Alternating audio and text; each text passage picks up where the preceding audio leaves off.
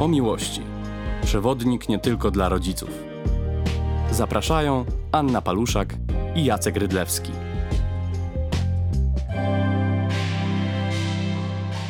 Dzień dobry Państwu. Serdecznie Państwa witamy w naszej audycji o miłości. Przewodnik nie tylko dla rodziców. I będziemy dzisiaj kontynuować temat o idealnej mamie. To jest nasza trzecia audycja.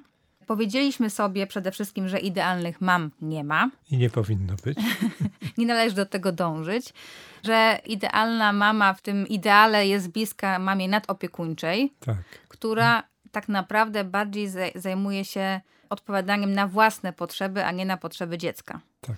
To, co powiedzieliśmy jeszcze ważnego, oprócz wielu przykładów, to było to, że te potrzeby, które mama próbuje zaspokoić u dziecka, czasami są no, takie jakby można powiedzieć same dobre. Czy to jest uwaga, czy czułość, czy ciepło. Wydaje się, że żadnemu dziecku tego y, nie, nie jest nigdy dość. I dlatego jakby wymaga to takiej czujności, żeby móc odróżnić, czy to dla mnie jest ta czułość, czy ciepło, czy ja z tego bardziej korzystam, że przytulam dziecko, albo uczę go, albo inwestuję w nie, czy to dziecko to tak naprawdę korzysta. No i to jest dość trudna rzecz czasami, prawda? Tak. Odróżnić, czy ja nie kojarzę to ze swoim brakiem, nie wiem, czułości i patrzę na dziecko, wydaje mi się, że ono potrzebuje tak, tak dużo. A, a z punktu widzenia dziecka jest już tu nadmiar i najchętniej by uciekło. Tak, więc jest to naprawdę bardzo trudne to odróżnić jakoś. Trzeba jakiś taki chyba trochę wglądu tą swoją potrzebę. Pójdę za Donaldem Winnicottem, którego tu cytowałem e, no. w poprzedniej audycji, że wystarczająco dobra mama, to jest jego piękne pojęcie, jest taka, która jest dostrojona do potrzeb dziecka, czyli widzi przede wszystkim, uważa na dziecko, nie na siebie. Mhm. No to najlepiej słuchać ludzi z boku, zapytać męża, zapytać żonę, zapytać Właśnie, dziewczyny, Właśnie, to była ta super interwencja. Wiele kobiet po prostu uważa, że odpowiada tylko na potrzeby dziecka, nie ma żadnego żadnego pomysłu na to, że to one gdzieś czegoś nie dostały i dlatego teraz tak dużo chcą tej wymiany, na przykład w tym cieple. Dlatego właśnie Jacek powiedziałeś, żeby pytać na przykład męża albo no męża chyba najlepiej, najlepiej bo męża. mama może być zbyt zgodna w tym temacie.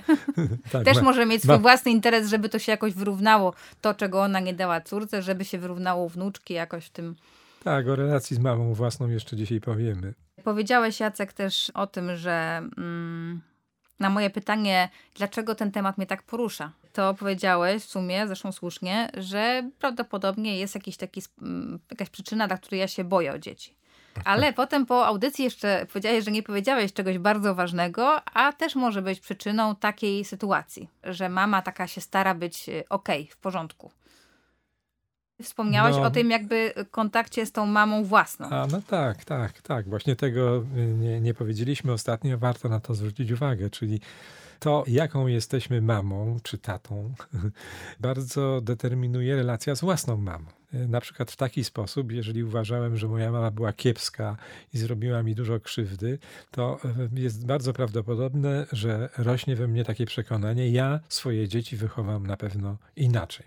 Czyli właściwie odniesienie, jeśli chodzi o proces wychowania dzieje się w związku ze swoją mamą, a znowu nie, nie, nie, z dzieckiem. Czyli mogę rywalizować ze swoją mamą, tak? Na pewno nie zrobię tak jak ty. Na pewno będę lepszą mamą. Niezależnie od tego, czy dzieciom się to podoba, czy nie, no, rywalizując ze swoją mamą, no, będę zdecydowanie więcej zwracał uwagi na swoje dzieci poprzez ten proces. No to właściwie pokazuje na, nadopiekuńczą mamę mama, która nie dostarczyła tyle czułości, na ile dziecko miało ochotę i z tego powodu bywało smutne i tak dalej, może mieć y, mocne postanowienie, że w moim wypadku, jak ja zobaczę dzieci, to po prostu na pewno o tym nie zapomnę. Ale czy to jest y, kwestią tego, że, że to ta dziewczyna czuje się taka biedna, bo nie dostała tego ciepła, tak. czy taka wściekła na tą mamę? Biedna, bo nie dostała ciepła i dziecko identyfikuje ze sobą. Wie, jak to dzieci mają, patrzy mhm. na siebie, jakie to jest trudne. Ty dzisiaj użyłaś takiego wyrażenia, że czułości nigdy dość dzieciom. Mhm. To nie do końca jest prawda. Może nieświadomie patrzyłaś przez swoją perspektywę, tak? Że czułości nigdy dość, tak jak ty mogłaś przeżywać to jako dziecko. Że dla mnie czułość, każda kropla czułości była na tyle cenna, że wydawałoby się, że to jest nieskończona wartość i wielkość, tak? Mhm. Ale dzieci, nie potrzebu- dzieci potrzebują tyle, ile jest im potrzebne w danym... Tak, a potem uciekają do zabawy. Do zabawy, uciekają z domu, wolą panie z przedszkola niż rodziców. Niektóre mamy bardzo... Babcie wolą. babcie wolą, ale ja zauważyłem, że niektóre mamy bardzo mocno przeżywają to, kiedy pojawi się pierwsza pani w żłobku albo w przedszkolu i dzieci zaczynają być zafascynowane i taka mama, która się obawia, że może za mało kocha za mało kocha swoje dzieci, może rywalizować z panią przedszkolanką. Ja pamiętam, jak to było, kiedy na- nasze dzieci wychowywane w domu jechały do e, mamy mojego męża i babcia była babcią tak zwaną idealną. Można było robić wszystko, chodzić po stole, dostać tyle deserów, ile się chciało. I jak myśmy je odbierali stamtąd, to była taka rozpacz, że trochę było to też ciężkie dla nas, że my No. wracamy z tym naszym dzieckiem, które absolutnie nie chce do nas wrócić. No dziadkowie rozpuszczają dzieci, bo nie odpowiadają za nie i mogą sobie pozwolić na doraźne rozpuszczenie. Nie martwią się, co z tym dzieckiem będzie. Nareszcie może, e, bo rodzice bywają nadodpowiedzialni i bywają nadprzewidujący, że na przykład pozwolę sobie na dużo, dziecko się rozpuści, będzie byle jakie. Trzeba je po prostu wychowywać.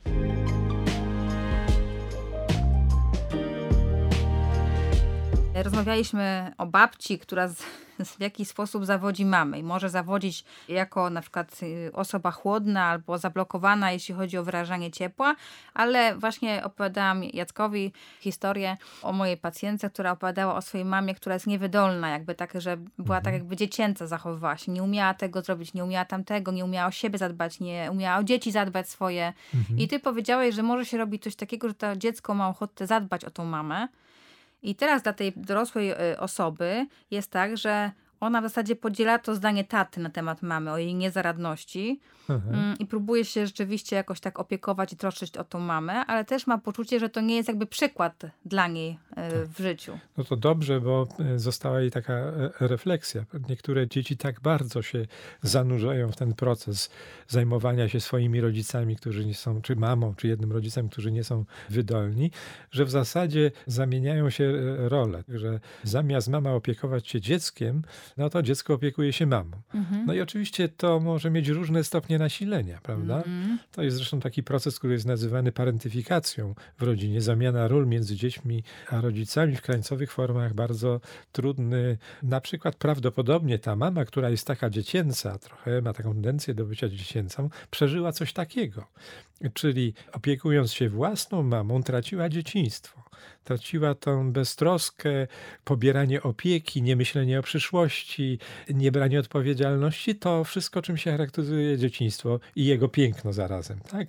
Jeśli to zostało zabrane przez sytuację, przez los, to w życiu dorosłym mamy taką tendencję nieświadomie, żeby sobie pobyć w takich, e, czy dążyć do takich trochę sytuacji. Niech się ktoś mną zajmie, nie ja będę się zajmować, ja będę bezradny, ja nie umiem, nie wiem jak, co mam zrobić, zróbcie to za mnie. Tak jakby ktoś mówił, zaopiekuj się mną, albo po, bądź dla mnie tak jak e, rodzic, a ja sobie odpocznę jak, jak dziecko. A jak teraz myślimy o tej mojej klientce, to zadaniem dla niej byłoby wycofanie się z tej opieki i szanowanie mamy jako mamy, prawda? Tak. To chyba byłoby ten ruch, który byłby o- ozdrawiający.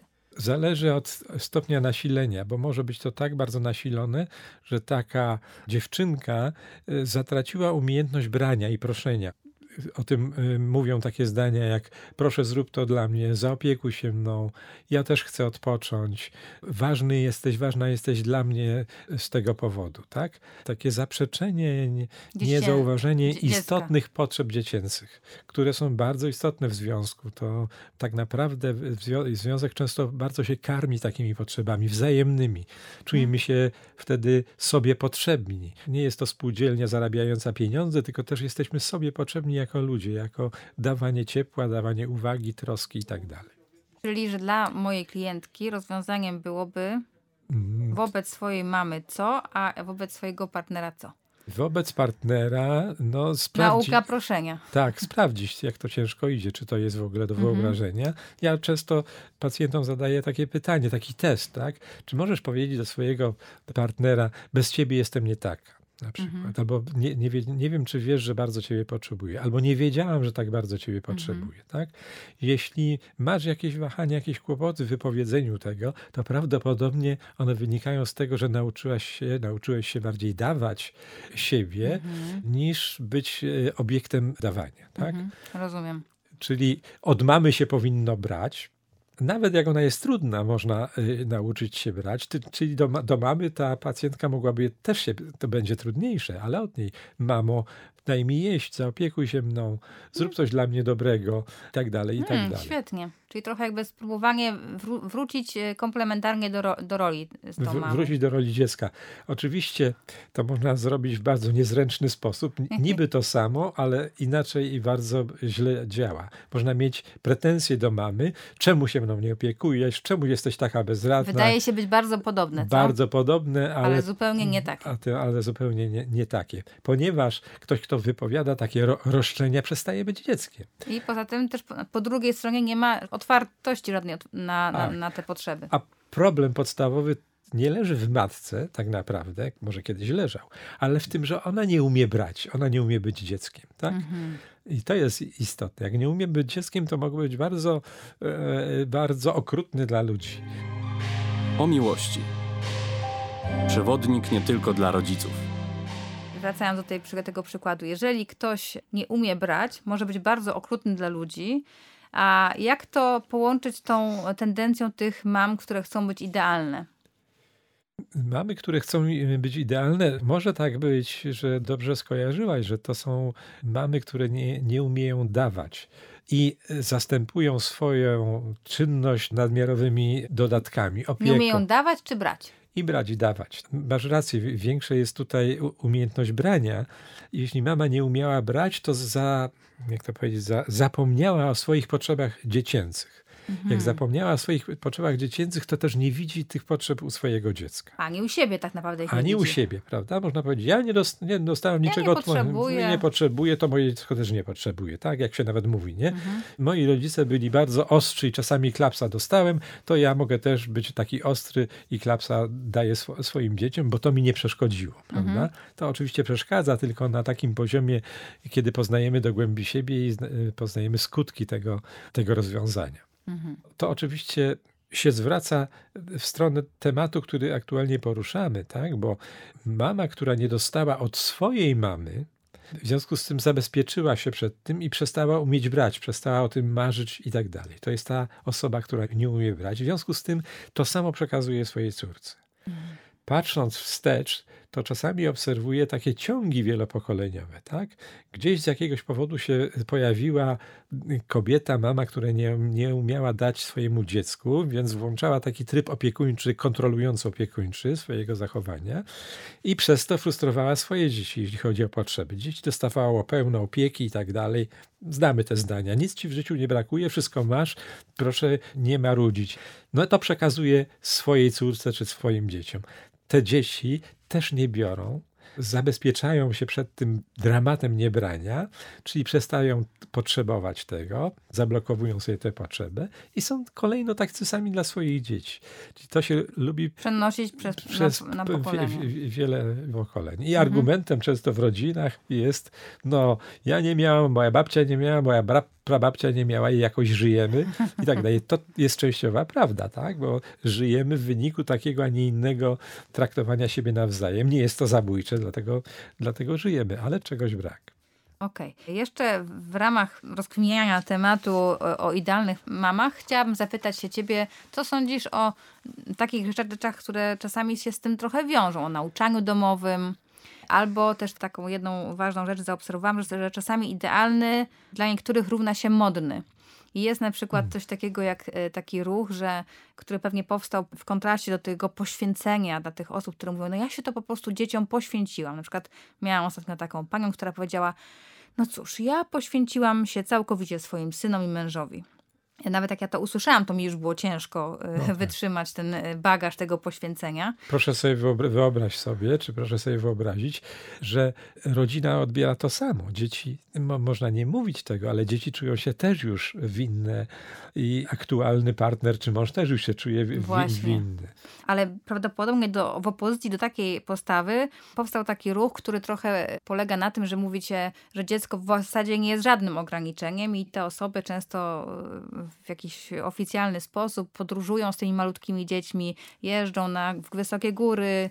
Czy to jest ok, czy to też jest niewidzenie tych potrzeb dziecka i też w jakiś sposób to jest no, szkodliwe, trudne, niewłaściwe. I o tym za chwilę.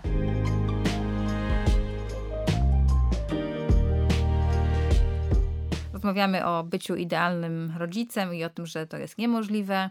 E, zadałam Niewskazane. Tobie, zadałam Jacku tobie pytanie o takie jakieś aspekty, jak e, takie jakieś podróże z tymi dziećmi, żeby pokazać światu i sobie, że te dzieci nic nie zmieniają, kiedy przychodzą do systemu, że można dalej się tak samo realizować i spełniać, że to jest takie dalej wspaniałe życie z tymi dziećmi. No, mi hmm. osobiście to dużo zmieniło posiadanie dziecka. Na pewno no nie tak. mogłabym się pod tym podpisać. I no też chociażby pytałam, ma, małe no. dziecko, no nie, czy malutkie, no zmienia dość radykalnie, nie wiem, mobilność, przynajmniej na, w tym okresie rodziny. Pojawiające się dzieci no, radykalnie zmieniają system rodzinny. Nie można udawać, że się nic nie zmieniło. No, komunikowanie się już wobec trzech osób, można pełnić jakąś funkcję, można bronić jednej osoby drugiej, to już zupełnie inny system. Nie, nie można udawać, że on jest taki sam.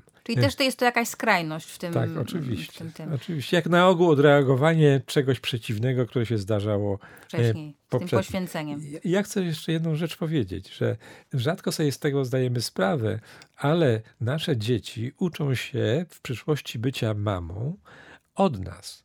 Czyli można powiedzieć, pilnie patrzą i rejestrują, jak my traktujemy swoje mamy, jak o nich mówimy, jakie mamy do nich emocje, jak je, czy je szanujemy, czy nie, czy lekceważymy, czy gardzimy. To tak byśmy mówili, ja często mówię swoim pacjentom, powiedz do swoich dzieci na przykład patrz i ucz się. I teraz rozmawiasz ze swoją mamą i to dziecko bardzo pilnie patrzy, jak to będę ciebie traktować, zwłaszcza jak już będziesz trochę starsza, starszy, mhm. być może już zależny, niepełnosprawny i tak dalej. Mhm. Jeszcze powiedz tylko, e, co z tym nauczaniem domowym, bo też są bardzo różne emocje na ten temat e, we mnie. Z jednej strony wydaje się taka wspaniała inwestycja, z drugiej strony martwię się o aktywność społeczną dzieci, czyli o to, ile one mają czasu z tymi innymi dziećmi. Masz jakieś znajome przypadki no, osób? Mam pa parę znajomych w okolicy i to akurat e, w tym wypadku dość dobrze funkcjonuje. No i oczywiście to się dzieje, to o czym mówisz trochę, też ma swoje dodatnie strony.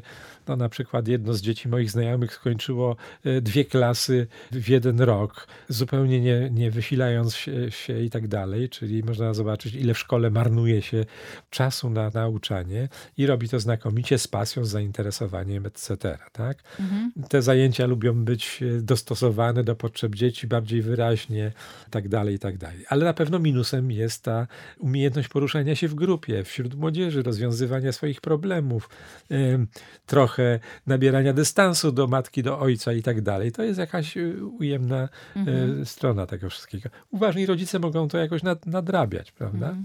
No ale... ale... powinni być uważni właśnie na ten aspekt. Tak, jak najbardziej, jak mhm. najbardziej. No dobrze, i tutaj zbliżamy się do końca naszej audycji o idealnych mamach. E, dziękujemy Państwu bardzo za uwagę e, i dziękujemy naszemu wspaniałemu realizatorowi Michałowi. A rozmawiali z, z Państwem Ania Paluszak i Jacek Rydlewski. Do usłyszenia wkrótce. O miłości. Przewodnik nie tylko dla rodziców.